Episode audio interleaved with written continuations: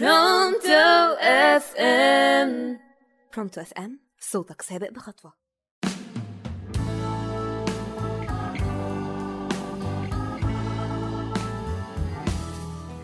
أهلا بيكم في الحلقة الأولى من برنامج يمكن تفرق. معاكم نادين عرابي النهاردة الحلقة بتاعتنا بتتكلم عن فكرة اللي يزيد عن حده يتقلب ضده. وده بمعنى إن كل لما الإنسان يفضل يتمادى في حاجة معينة في الآخر الحاجة دي ممكن تتقلب ضده وممكن تبوظ كل حياته كمان لو معرفش يسيطر على نفسه ويقول كده كفاية. طب يعني إيه الكلام ده؟ هقول لكم مثال. حب العلم زيادة عن اللزوم ساعات ممكن يعمل مشاكل وكوارث لو خرج عن السيطرة لأن مش أي علم ممكن يبقى نافع. في حاجات مش أحسن حاجة إنك تجازف إنك تعرفها. عشان في النهاية يمكن علمك ده تستغله في شيء مؤذي يدمر لك حياتك أنت شخصيا. أو حياة اللي حواليك طبعا إن الإنسان يكون متعلم وعنده طموح دي حاجة أكتر من رائعة. ببساطة كده طول ما الإنسان عنده فضول إن يعرف أكتر وأكتر وأكتر طول ما هو مش هيقدر يسيطر على نفسه في كمية العلم اللي هو عايز يعرفه. طبعا ده ممكن يؤدي إن طموحه يزيد لدرجة إن هو هيوهمه إنه يقدر يسيطر على العالم كله وممكن يعمل حاجات ما تجيش على بال إنسان لدرجة إنها ممكن توصل بيه لمرحلة الجنون. النهاردة هحكي لكم عن رواية بتتكلم عن الفكرة دي وبتنصح العلماء إن هم يعرفوا يسيطروا على مدى علمهم وطموحهم.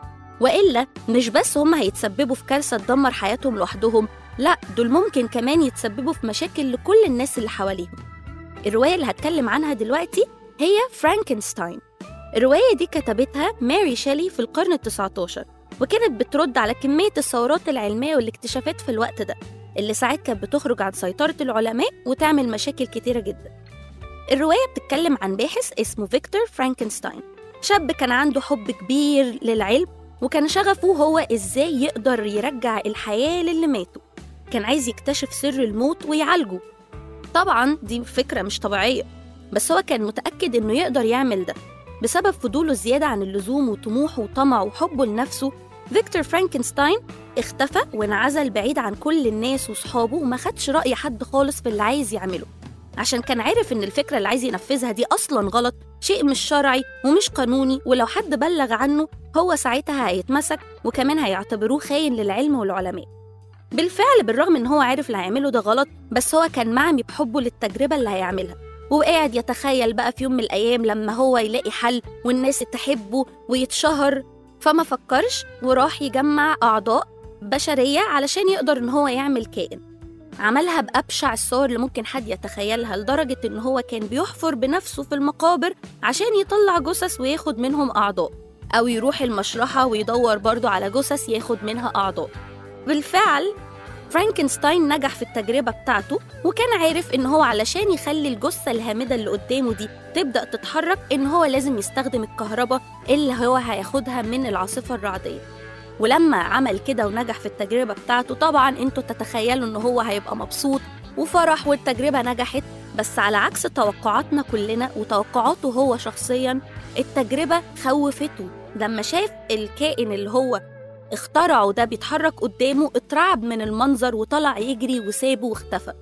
في يوم من الأيام فرانكنستاين بيجيله جواب من باباه وبيقول له إن أخوك اتقتل. وبيكتشف فرانكنستاين إن اللي قتله هو الوحش اللي هو عمله. وبعدين الوحش اللي عمله ده مش هيستمر بس إن هو يقتل في الناس اللي حوالين فرانكنستاين علشان ينتقم منه. لأ ده هيقتل في كل الناس اللي بيقابلهم علشان هو مش فاهم هو بيعمل إيه.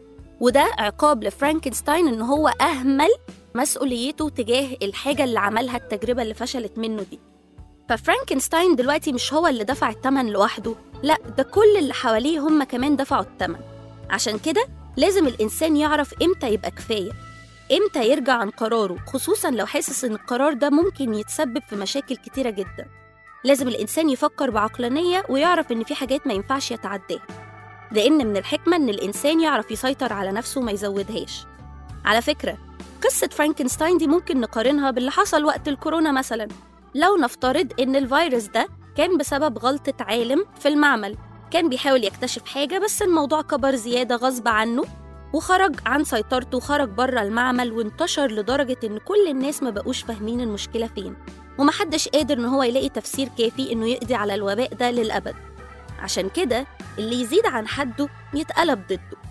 يعني على كده بقى الشغف ممكن برضو يكون قاتل. استنوني الحلقة الجاية عشان هديكم إجابة ومثال. يمكن تفرق. كان معاكم نادين عرابي.